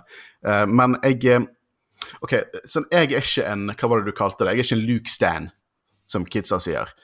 Eh, jeg er ikke det. Jeg har alltid vært glad i Luke som at han er del av universet. Jeg synes Luke var interessant først i Last Jedi, eh, og det er jo kanskje også derfor mange i Last Jedi som var fan av Luke, ikke likte Luke Last Jedi. Uh, fordi at, ja, ulike grunner. Vi har vært gjennom den. Jeg, jeg, tror, jeg tror den fanbasen, eh, altså den delen, holdt på å si, så uenig med måten det var brukt Last Jedi, er veldig glad for det han har fått nå. Mm. Uh, jeg, bare, jeg, bare, jeg, har aldri vært en bare fanatisk Luke-fan. Men jeg er en fanatisk liksom, Jeg skjønner Jeg tror at hvis jeg bare alt her eh, liksom mitt blod og bein var det jeg ville se var Luke Ignite Green, så tror jeg at det rett og slett hadde ignorert Hadde, hadde ikke gjort meg så mye at han så ut sånn som han gjorde. Uh, Jeg vet òg at du er litt lei av Skywalkers, men jeg tror majoriteten av Star Wars-fans eh, blant meg er Det var veldig gøy å se Luke igjen, for han Mm. har ikke vi Men- egentlig det, det var kjempegøy å se Luke igjen. Jeg elsket det. Men jeg, du, du sier det rette her. Jeg at jeg, jeg ville ikke se Luke. Jeg ville ikke se Luke. Jeg har sagt det før. Og jeg ble kjempelei meg når jeg så Luke, for jeg tenkte faen, nå tar de inn Skywalker her. Men så tenkte jeg på det. Selvfølgelig måtte det være Luke. Det er ingen andre enn Jedi måtte være Luke. Det eneste som jeg snakker om connection, eh, og liksom at ting skal ha connection her. Og for at historien skal gi mening, at, at Mando skal gi Grogu til en Jedi etter Return of the Jedi, så må det være Luke. Det kan ikke være Cal Kestis eller noen av disse B-karakterene. Det måtte være Luke, for Luke er the Jedi nå. Og jeg, vet du hva? Jeg, jeg, nå- jeg kjefter på meg sjøl, føler jeg. For det at den følelsen jeg hadde etter så episoden det, gått, det måtte være Luke, og jeg elsker at det var Luke. Det eneste problemet jeg har nå, som jeg sitter igjen med nå, er at jeg synes ikke han så bra ut, og jeg, synes, jeg håper at de fikser det på en måte. Ja, Eh, det er det er me- akkurat det er samme metaproblem. Ja, det er akkurat de samme tankene jeg sitter igjen med nå. At eh, i begynnelsen så var det på en måte mm, Jeg òg hadde håpet egentlig at det var en annen enn Luke, litt fordi det jeg har nevnt mange ganger før, er at eh, Mandalorian på en måte har blitt litt sånn cameo-show. At det bare er random karakterer. Men samtidig så Ja, som du sier, det måtte være Luke. Mm. Og det du sier, eh, Christian, i forhold til alle de som ville se Luke For jeg tror det er jævlig mange som er kjempeglade for å se Luke. Eh, jeg hadde jo ikke det forholdet til Luke, men jeg vet hvem jeg har det forholdet til. Jeg har det forholdet til Asoka, til Bo-Katan, til Bobafett. Jeg har fått mine øyeblikk der jeg har klikket vinkel over at en karakter har dukket opp. Og egentlig vet vi mye mer om Asoka sin historie enn vi vet Luke, så hvorfor skal ikke Luke få sin plass? Mm. Jeg synes at, at, at eh, alle dere som er så stor fan av Luke, jeg er så glad på deres vegne eh, at dere fikk dette her. Jeg har fått det mange ganger, Mandalorian. Det er det denne serien gjør, er at den gir noe til alle Star Wars-fans, og jeg, jeg, er så, jeg er så glad for at den eksisterer. Jeg er så glad den er en del av livet mitt. Jeg er så glad i deg, Disney. Det er det jeg liker med denne serien. Det er masse nytt, masse fresh, men så har du den fanservicen. Det er nøyaktig det han trenger. Mm. For det er god fanservice i denne serien. Det er god er fanservice. Luke er god fanservice. Jeg, eh, hvis du hadde spurt meg rett etter så episoden, så hadde jeg sagt at det var crap fanservice. Eh, nå er jeg helt uenig med, med eh, han Håkon der. Han Håkon trengte perspektiv, og det fikk han. Dette er god fanservice. Absolutt. Um, Luke begynner jo å snakke, eh, så, mens jeg lukket øynene mine og hørte på han, for stemmen er awesome. Det høres ut som Mark Hamill fra 1983. Hvem tror dere har stemmen der? Fordi eh, Mark Hamill høres jo ganske annerledes ut nå. Litt sånn mørkere stemme. Men kan de ha brukt en type deep say eh, fake sampler på lyden? For jeg vet at det er mulig. Det kan godt hende. Jeg vet at Mark Hamill hadde, han er jo creditsen, og han hadde mye med dette å gjøre, om det bare var digital scan eller ikke. For han solgte sin Eller han ga Lucasfilm tillatelse til sin digital skanning av seg sjøl for en stund tilbake. Jeg vet ikke hvordan han har vært med i produksjonen her, men han sa jo at dette har vært et år planlagt, og det har vært så sykt hush-hush for at ingen skulle få vite det. Det var for, også derfor eh, mange har spekulert at de kommer til å fikse det i ettertid. For, de må, for en eller annen grunn måtte de ha minimalt arbeid på det, sånn at ikke det ble liket før. Så de gjorde det rett før episoden, kanskje. Hvem Det vet? kan jo hende. Vet du hva, Mm. Det er helt ærlig, det er de sinnssykt gode på her. De er gode på å holde seg unna pressen. Det Mm. er imponerende, faktisk. Også med Cobb Vanth, Asoka, Boba Fett alle, de, alle, de alle de var liket. Var Var det det? da, men ja, ja, ja. Å ja, det har ikke jeg fått med meg. OK. Men det viktigste, det viktigste, og jeg sier det selv om ikke det viktigste for meg, så sier jeg det viktigste var at de holdt Luke uh, in, uh, under wraps. Uh, det kan jeg si. Luke begynner jo å formidle at han vil gi sitt liv til barnet, og at, eh, at eh, barnet ikke vil bli trygt før han mestrer kraften. Han sier noe som er veldig Jedi, at uh, talent uten trening er ingenting. Ah, det er så Luke, det er så Luke på dette tidspunktet. Uh, og jeg, jeg syns det er rørende at Luke dukker opp for å trene Grogu. Jeg vet hønen din syns det også er ganske rørende. Han, han, hun hørte Grogu, og da stakk hun. Men jeg syns det er rørende at, eh, at Luke skal trene opp Grogu etter han sjøl ble trent opp av Yoda. Og det var ikke noe som kom opp for meg før etterpå. Jeg var sånn Åh, så passende. eh, og jeg, det er jo Vi har mye å snakke om her, og før vi på en måte eh, går videre på av, den store følelsesladede avslutningen som var for min del, er at eh, eh, det er jo ca. fem år cirka, til eh, Luke starter sin, eh, sitt academy. Og ifølge tidligere Cannon så har Ben Solo vært hennes første eh, tradisjonelle Padawan, sånn hvis du tenker vekk fra at Leia ble trent opp etter episode 6. Det har vært Cannon. Eh, jeg tror ikke Grogu kommer til å bli trent opp i akademiet på den kan jeg si, konvensjonelle måten som vi tror han kommer til å gjøre. Jeg tror ikke han blir en Padawan. Eh, jeg kan nesten si, jeg er så sykt eh, bestemt på det, Kylo Ren har ikke drept Grogu. Ta det med ro. Vi kommer til å se Grogu igjen. De, de, vet hva, det, det, det, det er ikke det som skjedde. Lucas-film hadde ikke latt det skje at Grogu ble drept offscreen i en flashback fra episode åtte. Han han er ikke død, OK? Og han kommer ikke til å bli drept av Ben Solo. Så ikke hat på Ben Solo, selv om jeg må si at tanken der inne at han kan At liksom Luke tar han med til den gale nevøen sin for å bli drept. Jeg liker ikke den tanken. Men han kommer ikke til å dø. Jeg tror ikke han kommer til å bli trent opp til å nødvendigvis bli en Jedi. Jeg tror han kommer til å bli trent opp til å altså, beskytte seg sjøl. Og jeg kommer, det kommer til å være et tidspunkt der han vil tilbake igjen til Mando. Eh, jeg så noen kastet ut ideen om at hva hvis det er en sånn parallell til Empire der der Grogu merker at sin far er i fare og må forlate sin trening for å, for å bli med faren sin igjen. Mm. Jeg tror det er Ja, mye det god storytelling som skjer. Mm. Men eh, hva følte dere om, om dette her? Hva, hva tror dere? Tror, du, eh, tror dere han kommer til å bli trent opp som en vanlig Jedi, liksom? Jeg vet ikke. Han sier jo eh, for det meste liksom at uh, han må lære seg å kontrollere det, på en måte. Så det er ikke sikkert at han blir en Jedi sånn sett. Men, eh, og dessuten så er jo Grogu for gammel. Du vet. Mm. Han er 50 Ja. år. Altfor gammel. Han har, Ah, jeg- attach, han, han har masse attachment. Han har masse attachment. Nå må, nå, må vi, nå må vi regne Yoda years her, altså. Den Ja, rasen. men han har jo de, de, de, Men nå er jo Luke ikke en prequel Jedi. Men grunnen til at uh, prequel Jedis trente opp barn som var så unge, og fordi de måtte få tak i dem før de hadde klart å bunne attachment, og før de hadde blitt hatt tid til å bli en person, sånn at de kunne forme dem til å bli en person. Det er grunnen til at Quaigon og, Dar eh, og til viss grad eh, Hvorfor Quaigon ikke satt på rådet, og til viss grad hvorfor Count Dooku forlot eh, ordren, er ofte mye på grunn av disse ideologiene til Jediene, som var grusomme, grusomme mennesker. Og hvis Mace Windu hadde dukket opp her, sånn som mange eh, ønsket, som jeg ikke skjønner, for det gir ikke mening, eh, så hadde jeg, hatet det. For det er fuck Mace Windu. Jeg elsker å hate Mace Windu. Jeg elsker at han er med i Star Wars, men hvis Mace Windu hadde dukket opp her, eh, hadde, jeg, er så glad han ikke gjorde det. um, jeg, jeg, jeg tror jeg, jeg hørte en teori. Jeg hørte en teori fra Guro, faktisk. For vi begynte å snakke litt om om dette her med, med, med Yoda, og, hvorf- og om Grogu kom til å snakke like rart som Gro eh, Yoda når han vokste opp. Og det er jo en sånn typisk sånn Star Wars-fans alltid tenker, at Yoda er rar, kanskje noe med rasen hans, men det gir jo ikke mening. Eh, Guro, samboeren min, hun studerer jo nordisk språk, hun har vært innom mye språk, og hennes teori er rett og slett at Yoda har vært utsatt, han snakket flytende, et språk med annen setningsoppbygging enn common. Og ja, det gir mening.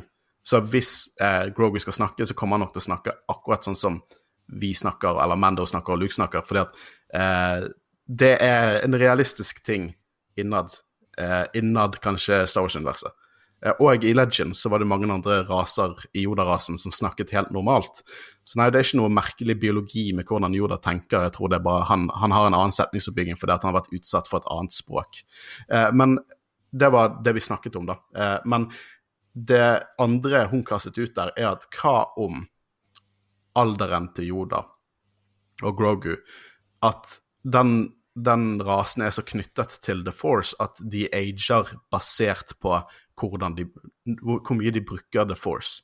For Grogu har blitt lært opp i Jedi-tempelet, og så har han gått i hiding i mange mange år og bare stengt seg ute av The Force, som Asoka sier. Hva hvis han rett og slett ikke har aget mye på de årene? Og nå når han har møtt Mando, vi har sett mer utvikling av Grogu, spesielt i sesong to, at han rett og slett har aget mer fordi at han har mer aktivt brukt The Force, og kanskje det kan løsne, eh, løse dette alders eh, quote unquote, problemet vi har til neste gang han dukker opp, når han aktivt trener i The Force.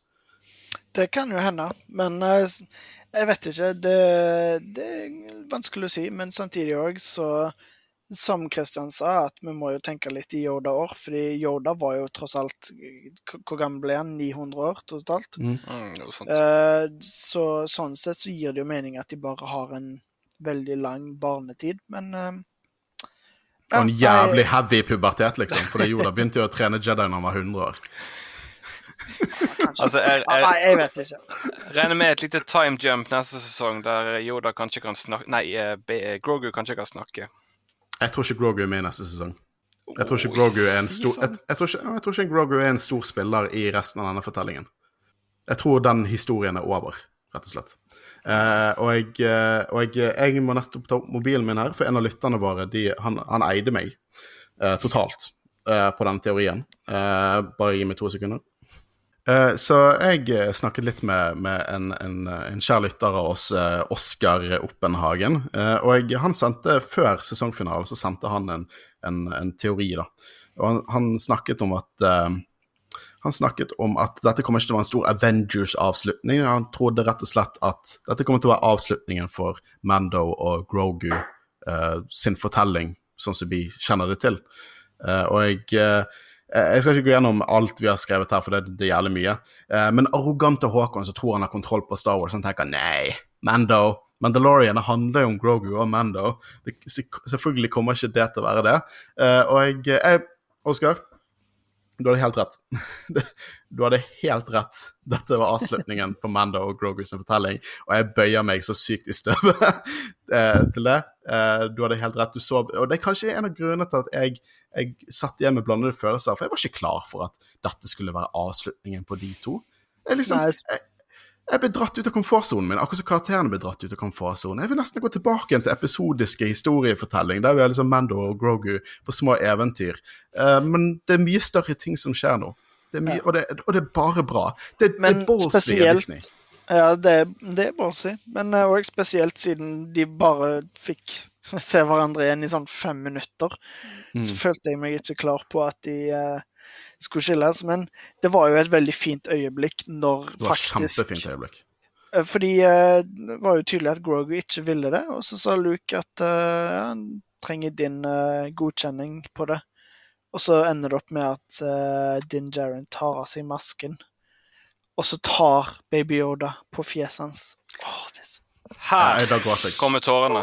I'm not Ja. crying. Jeg gråt. Jeg gråt så sykt. Det var, det var et fint øyeblikk, altså. Vi kålet det. Vi kålet det. Og, Det og, kom til å skje. og hvor bra eh, Petro Pascal spiller der, er helt sykt. Vi Mm. får jo nesten ikke se fjeset hans, vi får ikke sett liksom, men det er oh, wow. Ja, det, bare, ah, eh, det, var ny, det var akkurat det jeg trengte. Det var en fantastisk scene, eh, og det traff alle følelsene mine eh, Mm. så sterkt. Og hvis man tenker på metaen, at Pedro Pascal står der og gråter mens han holder en dukke, eh, så er det ganske mye creds til den skuespilleren. Altså. Fy søren. Mm. Eh, og han sier, han siterer, parasiterer liksom Shmi Skywalker og sier 'ikke vær redd, vi vil møtes igjen, jeg lover'. Og hvis det er én ting jeg stoler på, så er det Mando. Han, de kommer til å møtes igjen. Eh, men som Luke sier i en av de beste Star Wars-filmene noen gang laget, The Last Jedi, this is not going to end the way we think. Uh, fordi at uh, hvis én ting jeg har lært av The Mandalorian, er det at jeg, jeg har ikke peiling. Jeg har ikke peiling. Jeg har ikke peiling på hvor det går, og jeg elsker det. Eh, jeg elsker det. Hvis det Arthur kom inn, og han og, og Grogu hadde en, en søt liten scene, men jeg tror det er mer der. Jeg tror at de absolutt har sett hverandre før. Mm. For det er, Grogu har sett andre droider siden. Det er ikke at han er superfan av droider. Han, er, han, det, det der de har kjent, de har sett hverandre før. Sikkert på tempelet. Men har ikke uh, R2 vært uh, hovedsakelig med Anakin? Mm. Eller var han i tjeneste hos Jedi? Tempelet, hun, med, hun har vært mye med Asoka også. så- Jeg vet ikke om Asoka kjente henne tidligere. Men uansett, eh, eh, Anakin var jo en, en av de liksom jocksene i Jedi-tempelet. Liksom en av de populære kidsa. Så Så jeg, jeg, det kan godt hende Anakin har møtt Grogu også. Det, det, det tror jeg. Eh, det kunne jeg kjøpt.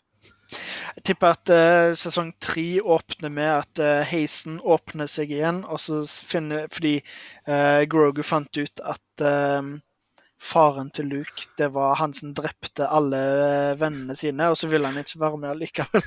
Ja, for Han kunne jo fått navnet på den fyren her. Luke kommer inn og bare Luke kommer inn, og litt morsomt, for Luke kommer inn, og jeg elsker at han ikke er sånn Han ikke, representerer ikke New Republic eller noe politisk prequel Jedi-shit som Mando hadde Nei, som Mace Window hadde gjort. Han kommer inn, og så ser han liksom sånn OK, der er en Moff, eh, to, tre Mandalorians, noen Bounty Hunters, og så sånn um, eh, Send, meg, send den babyen til meg. Og så, bare I'm out of here. Han sier ikke I'm Luke Skywalker, I'm here to rescue. Han sier ikke navnet sitt. Og Mando bare gir han til han. uh, før vi går over uh, nå på slutten, så vil jeg egentlig bare understreke uh, litt hva jeg synes om, om episoden, og kanskje hva dere kan eh, synes om episoden, før vi går videre til eh, The Book of Bobofet. Uh, så jeg så den episoden første gang, og jeg må si jeg hatet det. Og det var de siste ti minuttene som definerte det for meg. Jeg, bare, jeg mislikte det så mye, og jeg er nesten lei meg for at jeg gjorde det, for nå elsker jeg det. Uh, jeg, jeg, jeg bare likte ikke at Luke dukket opp, jeg likte ikke at han så ut som han gjorde, jeg likte hatet at Grogu ble med han, jeg likte det ikke i det hele tatt. Men så tenkte jeg mer over det. Det måtte være Luke. Det, det kunne logisk sett ikke vært en annen bad Jedi, i min mening. Luke er the Jedi på dette tidspunktet. Det måtte være Luke. Og jeg var rett og slett ikke klar for at Grogu skulle gi slipp. Men det er det historien de vil fortelle. Jeg synes at det er så awesome av Disney at de hadde en fortelling nå. Vi, de, det første kapittelet av Mandalorian Alt er dritbra, og det blir bedre og bedre. Og vi kan legge det i bokhyllen vår og tenke den historien, den ble bra. Og jeg, jeg, jeg, jeg var ikke klar for at det skulle være så konkluderende. Men Disney viser nå, og Dave Filoni, John og alle disse folkene, de viser at de, de, de har en historie de forteller, og de kommer ikke til å la seg gå og stagnere historien fordi de ser Baby Yoda og Grogu er populær. De kommer til å gi han den avslutningen i det kapittelet sånn som det skal være. Det er ikke meta merchandise som styrer historien. Jeg elsker det. Det, det, det er så awesome. Det, det, det, den episoden ga meg rett og slett sagafilm-vibes. Det var så mye å ta inn at det tok litt tid før jeg, før jeg fikk det inn. Eh, det er ikke min favorittepisode i, i serien i det hele tatt. når jeg tenker på Det Det er fortsatt sesongavslutningen sesong én, for den var bare awesome. Men det er fortsatt en jævlig bra avslutning på dette første kapittelet. Eh, jeg, jeg kunne ikke bedt om noe mer uh, av det. det. Jeg er så glad i disse karakterene. Mer glad i disse karakterene enn jeg har vært jeg tror, jeg, jeg tror Grogu og Mando de to er sammen min favorittkarakter. Og Grogu har vært med i denne historien for å preppe Mando, for å gjøre oss følelsesladet investert i denne karakteren. Eh, sånn at han kunne leve opp til større ambisjoner. For jeg tror han, større ambisjoner skjer Det, er reclaim Mandalore. Det er det vi ser videre. Det er der alt dette kommer inn. Alt dette kommer til å føre til Mando og de Mandalorianene sin, sin historie om å ta over, over uh, Mandalorian. Jeg tror det er det disse to første eh, sesongene har preppet oss for. De har gjort oss klar til å akseptere The Mando, og han har på en måte gått gjennom en, en latterlig bra karakterutvikling. Kanskje den beste karakterutviklingen vi har sett i Star Wars. Fra å være liksom en kald dusørjeger til å være et menneske, en fyr som har sympati for andre, som på en måte har Han er, han er nesten en meta-Mandalorian. Han er mellom eh, disse fanatiske Mandaloriansene og liksom disse tradisjonelle som er bundet av The Dark Saber. Jeg syns det er så nydelig storytelling, og du kunne ikke fjernet jeg mener, du kunne ikke fjernet en eneste episode fra denne, disse seriene, og at det hadde gått fint. Alle, alt dette matcher perfekt sammen, til tross for den episodiske storytellingen. Jeg elsker det. Ja, jeg er helt enig. Og eh, som du òg sa, så, så Det første jeg tenkte, var at jeg på en måte, det var ikke Luke jeg ville ha. Fordi jeg, jeg er litt lei av at de trykker Skywalkers inn i absolutt alt. Men eh, jeg har akseptert det, og jeg, liker det veldig godt nå. Men samtidig så kjenner jeg òg at nå er jeg klar for uh, High Republic Ja. og litt sånne ting. Der på en måte de kan fortelle sine egne historier. Uh, så, samtidig så kom, regner jeg jo med at Yoda kommer til å dukke opp, men det, det gjør ingenting, fordi han er mye yngre, så jeg antar at da vil Yoda på en måte nesten være en, en annen karakter, fordi han har sikkert opplevd ting, eh, men ja. eh, jeg kjenner at eh, jeg er på en måte litt sånn skeptisk til at alle karakterene som vi har sett tidligere, bare dukker opp. Fordi på en måte så gjør det universet større, men det gjør det også litt mindre når Mm. bare alle tilfeldigvis møtes. Samtidig så synes de har gjort det på en så god måte. For det er liksom eh, Han han hørte at det var en Mandalorian et annet sted. Det var Bo-Katan. Det gir mening. Bo-Katan kjenner Asoka Tano. Det gir mening at uh, han blir sendt videre der. Og Asoka Tano sier at uh, han skal sette Grogu på den steinen. Da kommer Luke. Så det er på en måte ikke sånn at Luke bare tilfeldigvis dukker opp. Jeg føler de har gjort det sånn at det gir mening at alle de karakterene er der. Men jeg gleder meg litt til å se nye historier òg. Ja. Hva skjedde nå, Håvard? Sånn meta-Jedi-råd-greier? Ja, vi mister Christian. Altså, han er ikke død, men bare internettet. Så uh, siste del av episoden så får det være eh, uten han. Men Vi får jo, når vi så episoden, sant, og så gikk rulleteksten, det var ingen concept art, så det føltes nesten som en seriefinale. Og så plutselig er det en liten pause. Og så får vi en end credit scene. jeg har nevnt jo i, i den episoden der vi snakket om alle de annonseringene om at de liksom går full Marvel. Det gjør de definitivt nå når de eh, teaser et eh, kommende prosjekt i en end credit scene. Men jeg syns det var bare var veldig kul scene. Jeg likte det veldig godt. Ja, får en after credit-scene, og det det er det er Bib Fortuna. Husker Bib Fortuna? På en eller annen måte klarer han å se mer disgusting ut nå enn han gjorde tidligere. Han har tatt over for Jabba.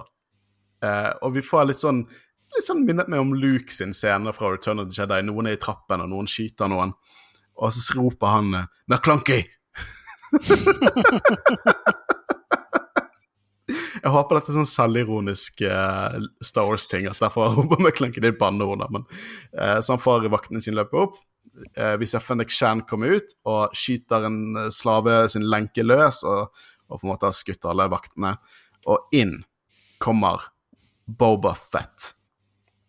Han går ned trappene, skyter Bib Fortuna og setter seg på tronen i en awesome, egentlig dyster scene. Og vi får høre Book of Boba Fett kommer desember 2021. Wow. Eh, det, det var en overraskelse. Absolutt. Det blir jo veldig spennende å se om eh, Fordi tidligere så har vi jo tenkt at Du nevnte jo det med neste kapittel, men tidligere har vi jo trodd at det var eh, neste sesong av Mandalorian som eh, Mm. kom eh, da. Men det blir jo veldig spennende å se om det er separate prosjekter, eller om det på en måte dette blir neste kapittel av The Mandalorian. Ja, for det, det er interessant du sier det, for det begynte jeg å tenke liksom, Begynner de med en sånn For at Mandalorian har jo vært chapters, og nå med en ny bok, og det er litt sånn Avatar, The Last Airbender kind of thing. Så jeg begynte jo å tenke, er dette neste sesong? At de går vekk fra din, og det er mer Bobafett? Og så tenkte jeg Jeg visste ikke helt om jeg likte det. Så lærte jeg meg til å like det. Eh, og så eh, har jeg gått inn på Star Wars Leaks, for jeg vil, jeg vil høre hva som skjer der. Og det har vært kilder fra Lucasfilm, inkludert eh, logodesigneren, som har sagt nei, sesong tre skjer, The Mandalorian sesong tre skjer, The Book of Bobafett, en, min, en liten miniserie, eh, mindre enn åtte episoder, som skal lede opp mot sesong tre. Ja, fordi Og det har vel vært snakk om en egen Bobafett-serie tidligere, har det ikke? Jo, og det var snakk om at den har vært i produksjon eh, halvannen måned nå. Mens, eh, eller filmingen har vært en halvannen måned nå. Og vi vet at filmingen til Mandalorian sesong tre ble sagt skulle begynne i desember. Så nei, jeg tror dette er to, to separate prosjekt, men at de har connection. Eh, rett og jeg fant også ut fra, fra dette, jo, dette her er lik, liksom fra kilder innenfor Lucasfilm, fra folk som hevder at de har det. Så ta det med en klype salt, men det høres logisk ut. Jeg tror at sesong tre skjer. Vi får en miniserie som leder opp mot det, eh, i Book of Boba Fett. Og et, de, det er også disse leaksene sa, at vi må slutte å se på Star Mandalorian-fortellingen som en linær fortelling. Det begynte med Mandalorian sesong 1 og 2.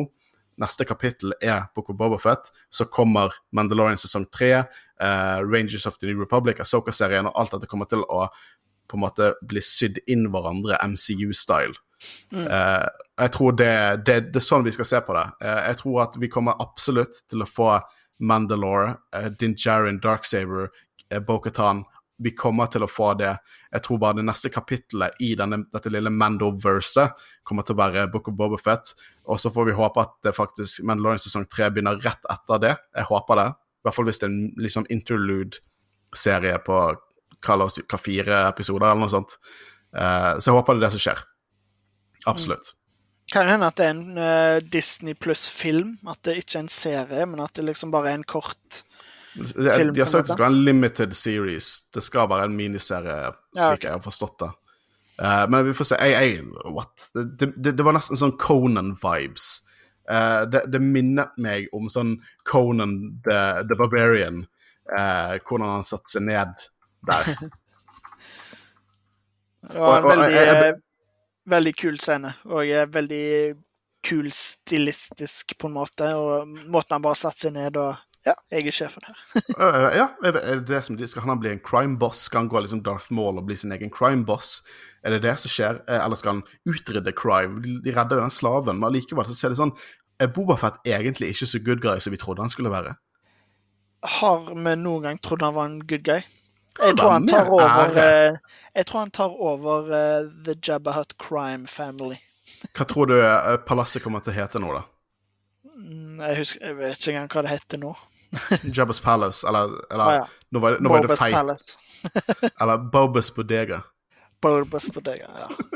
Der har vi Men, men jeg, jeg begynte jo hele tiden å tenke på Conan-vibes, og så leste jeg faktisk gjennom The Art of the Mandalorian nå, og mange av art eller en av art-designerne har tatt inspirasjon fra han der Frank uh, Frazetta, som har laget mye av de der eh, heavy metal 80-talls eh, fantasy-maleriene. Så mye av art-stil er derfra, så kanskje jeg faktisk er inne på noe. Eh, det, er, så sykt mye i vente. Eh, jeg, det er så mye følelser og tanker eh, hos meg nå at jeg vet liksom ikke helt hvordan jeg skal reagere på det engang. Nei. Uh, Jeg har sagt det før. Sier det igjen. Vi lever i en gullalder av Star Wars. ja, å, så sykt, da.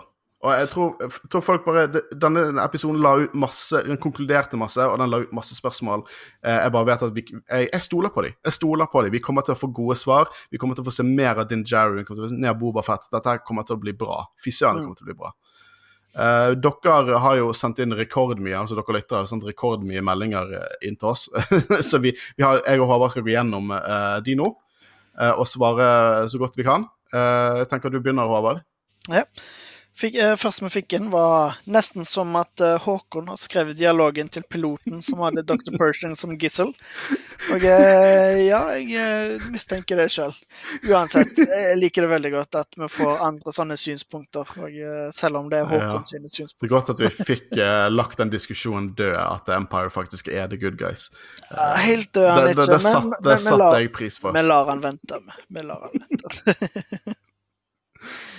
Noen som har skrevet 'bare sett nest siste episode', og jeg ble som en guttunge igjen når jeg så seismiske ladninger. For øvrig poeng til dere om hjelmen. Eh, referer hjelmdiskusjonen, og at det bygger opp til fjerning. Vel, Eh, håper du ikke hører denne episoden før du ser episoden, for eh, ja, vi hadde rett. Han tar av seg hjelmen. Og jeg liker at uh, Seismic Charges var så big deal at uh, det, det blør over til sesongfinalen. Hvem bryr seg om Luke? Vi, har, vi fikk Seismic Charges i vår episode. Dette var en kul episode, men det var litt dårlig at vi ikke fikk se han Grogu. Så du også forrige episode kanskje har sendt inn til oss nå? Fikk jo se Grogu. Eller at du ikke fikk se nok av Grogu, kanskje. Ja, jeg er helt enig, vi fikk ikke se nok, i hvert fall. Jeg skal skrive 'dope episode' når den X-ringen kom. Å, oh, shit. Jeg reagerte omtrent det samme. ja. Og så det var Neste skrev òg om X-Wingen. Tror nesten jeg besvimte når jeg så X-Wingen. Jævlig bra. Jepp. Jeg, eh, jeg, besvimte ikke, men jeg eh, med en gang eh, jeg fikk et stort smil sjøl. Same. Meget bra. Mange spørsmål. Ja, et par spørsmål ja. sjøl. Jeg er veldig mm. spent på hva som skjer videre. Denne neste er min favorittkommentar. Ikke ta Grogu fra Paps og så sånn sint uh, latex. Jepp, helt enig. En som skriver 'perfekt'. Ja, det Som jeg har sagt Jeg hadde ikke det... diskutert imot det, men vi har jo ja, forskjellige meninger uh, på det. Jeg vil, ikke, vil ikke sagt imot det. Jeg syns det var en veldig passende avslutning på det kapitlet. Mm, det syns jeg òg. Og apropos det, eh, neste kommentar er fantastisk avslutning på sesongen. This is the way. This is This the way. Is the way. Kriblet både her og der når X-Wingen smøg seg inn, og når ørene til Grogu reiste seg. Fint med Luke, men håpet på Mace Windu. Vel, OK. ikke jeg. Nei, vet du hva, jeg, jeg må ta det opp. Uh, jeg, jeg, vet at det er mange som ønsker Mace Windu, men la meg sette prøve. Dette er min mening, jeg, jeg skiter ikke på noen av dere, men la meg prøve å sette perspektiv for karakteren Mace Windu. Jeg elsker at Mace Windu er en del av universet, for det at, og jeg tror at det var veldig meningen at Mace Windu skal representere alt som er gale med The Jedi. Han var på helt feil vei, og jeg tror det Josh Lucas mente det. Uh, han, han, han er ikke det som er bra for The Jedi. Og det viktigste hvorfor han skal være død, i min mening, og det ikke gir mening at han skal dukke opp, er at han er det dødsfallet som satte siste spikeren inn på trans eh, transformasjonen til Anakin til Vader. Det, han er catalysten for at Anakin blir Vader, den siste dråpen i havet for at han går dark side. Jeg syns at det hadde skjete på all storytelling rundt Anakin og Vader om Mace Windu bare skulle dukke opp jeg, jeg kan ikke understreke hvor, mye, hvor viktig det er for meg at den karakteren er død for historien til karakterene. Det hadde vært dårlig fanservice, i min mening. Ja, helt enig. Uh, neste kommentar er Det er det sjukeste jeg har opplevd i mitt liv. Har fortsatt tårer 15 timer epis etter episodens release. Ja, jeg, eh, jeg har tørka tårer siden, uh, siden jeg episoden. Det var, det var hjelmen uh, som gikk av, og han og Grogu som tok uh, på skinnet til Mando. Det var det som, det var det som virkelig tok meg, ass. Herregud. Dank Ferrick. Hvem tro, skulle tro at vi fikk Luke i luke 18? Perfekt slutt på Boba Fett. Ja, vel, Christian har jo vært ganske opptatt av å få Luke, så men, det er nesten litt sånn rart at han er den som uh, klarer å uh, predikte best, men uh, ja. All ære til Christian. ja. Så det er en som skriver 'Fantastisk episode'. Din Jarin er den neste Mandalore. Det blir jo spennende ja. å se om Han er neste Mandalore ja, men, seriøst, vi kommer, til å få, til å få interaksjon, vi kommer til å få eh, awesome storytelling der Boketan er helt usikker på hvor dette går videre og har helt konfliktede tanker. Vi kommer til å få The Armor som leder Children of the Watch, og det kommer til å bli, eh, det, det, til å bli kanskje en ny Mandalorian Civil War, i hvert fall litt, litt mindre enn. Det kommer til å være drama, det kommer til å være creeder som krasjer med hverandre. Jeg tror vi kommer til å få awesome ting i fremtiden av den fortellingen. Jeg håper det ikke blir en ny Civil War, men uh... Jeg håper det blir en ny Civil War. OK. det blir spennende å se hva som skjer. Altså, fy faen så bra. Helt perfekt avslutning på sesongen med Luke og full pakke. Ja, det, det er mange like meninger, meninger, her. Jeg tror folk er veldig happy med Luke. Én, beste sesongen så langt. Skulle ønske det var litt mer Lysabel versus Beskar Speed. Sorry. Én, beste sesongen så langt. Helt enig. Det syns jeg. Skulle ønske det var litt mer Lysabel versus Beskar speedfacting. Og to, og Luke, Bib Fortuna er tjukk. Og det The Book of Boba Fett svimer av. ja, same. Den kan vi nesten uh, lage med den der memen med han der uh, wrestlingfyren som reagerer, og så liksom jo mer som skjer, det ah, digget den. Luke er akkurat litt Uncanny Valley, da, og det plaget meg litt. Men ellers good. Ja, Mm. det, det er litt i, i quotation marks eh, her. Så ja, jeg tror eh, Jeg og Håvard i hvert fall, det, jeg tror det plagde oss litt mer enn det gjorde Christian. Uh, Får håpe at kanskje de går inn og lager en liten special edition av uh, Mandalorian chapter 16. Holy shit, drittbra og nydelig end credit scene. Likte det var Luke som kom, og det gir en forklaring på hvorfor Grogu ikke er til stede under sequels. Han ble slaktet på Akademia Nights of Brenn. Dette er en cursed Nei, dette er en cursed comment. Du, du oh, mener ikke det du skrev under. Det, nei, det, det skjer ikke. Jeg lover det skjer ikke. Han kommer ikke til å bli en tradisjonell Jedi, sånn som vi tenker. Det kommer ikke til å skje. De kommer ikke til å drepe han offscreen med Ben Solo. Det skjer ikke. Men får vel bare vente og se. Men det skjer ikke. Det skjer ikke, OK? Ikke vær redd for det. Det skjer ikke. Jeg tror Håkon Mye deilig- uh, bli litt Det skjer ikke. Det skjer ikke. Mye deilig Star Wars. Deepfake Luke var helt skammelig dårlig, men ellers en god finale. Ja. Jeg er helt enig. Eh, jeg, nå vil jeg bare snakke for Christian. Eh, jeg tror ikke han er like enig når det gjelder deepfake Luke, eh, men eh, eh, jeg, jeg må nesten si meg enig her, dessverre. Den er også veldig gøy. Luke, Luke, Luke! Holy moly, Mark Hamill.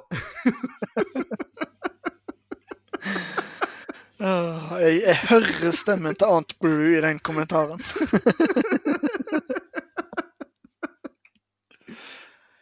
Amazing. Vi hadde egentlig håpet på Sebastian Stan istedenfor dataanimerte Luke. Punktum, punktum, punktum.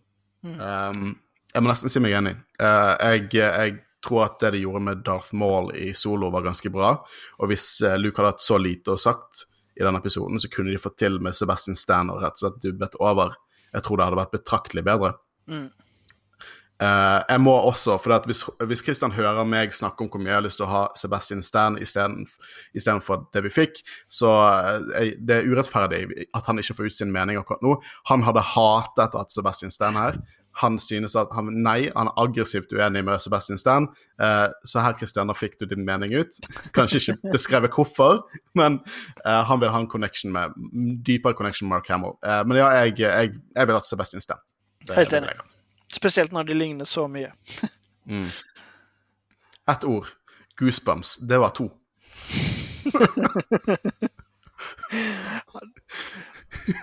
Det går an å skrive goosebumps i ett. Bare wow, amazing, ti av ti, beste episoden ever. Jeg er så glad for at alle liker den.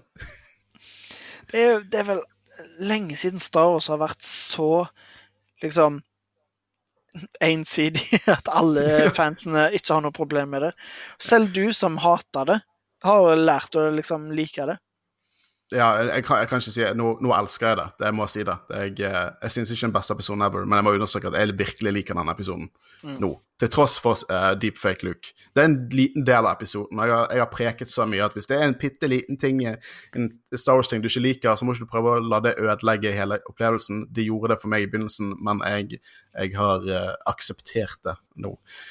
Um, også, by the way, siden alle dere elsker det, husk Kathleen Kennedy har gjort dette for oss også. Like mye som ga sequel-trilogien. Sånn, husk at det er lov til å gi henne creds når ting er bra, og ikke bare gi henne hat når ting ikke er bra. Bare, ha- det i bakhodet. Sånn alle som Ikke bare, bare internett, ikke nødvendigvis for lyttere, men internett. Ha det, ha det i bakhodet. Kathleen Kennedy hun kan, hun, kan, hun, kan, hun kan styre gode greier også. Eh, tom for ord, kunne ikke describe hvor bra denne episoden var. Fantastisk, men sitter like igjen, eh, allikevel igjen med noen spørsmål. Hva med Darksaber Moff season 3? Vi får season 3. Det, nå er det egentlig bare leaks vi har fått, men ja, jeg, kan, jeg tør påstå at vi får season 3. Det er for mye ting som henger igjen. Eh, det, det tror jeg. Helt syk. Felte en tåre, må jeg innrømme. Ja. Eh, jeg gråt når Mando tok av seg hjelmen. Ferdig avslutning. Litt synd at Luke nærmest stjal Baby Yoda Grogu. Ja, det er denne massemorderen som, eh, som Mando bare ga han til. Han fikk ikke navn engang. Plutselig finner han ut at han er Skywalker. Så blir det, I et par år så blir det sluppet ut at Anakin Skywalker var Darth Vader, og han kommer til å tenke hm, Skywalker, hvor faen har jeg hørt det navnet før? Nei! ja, så det var alt dere sendte inn. Um, Fy søren, det, eh, det har vært et år for Star Wars. Kan jeg påstå at det kanskje har vært det beste året for Star Wars? Ja, vi har egentlig bare fått én en ja, men alle disse all, Det har vært solid, høy kvalitet eh, av storytelling. Vi har fått så mange nyheter om så mange nye historier som skal bli fortalt.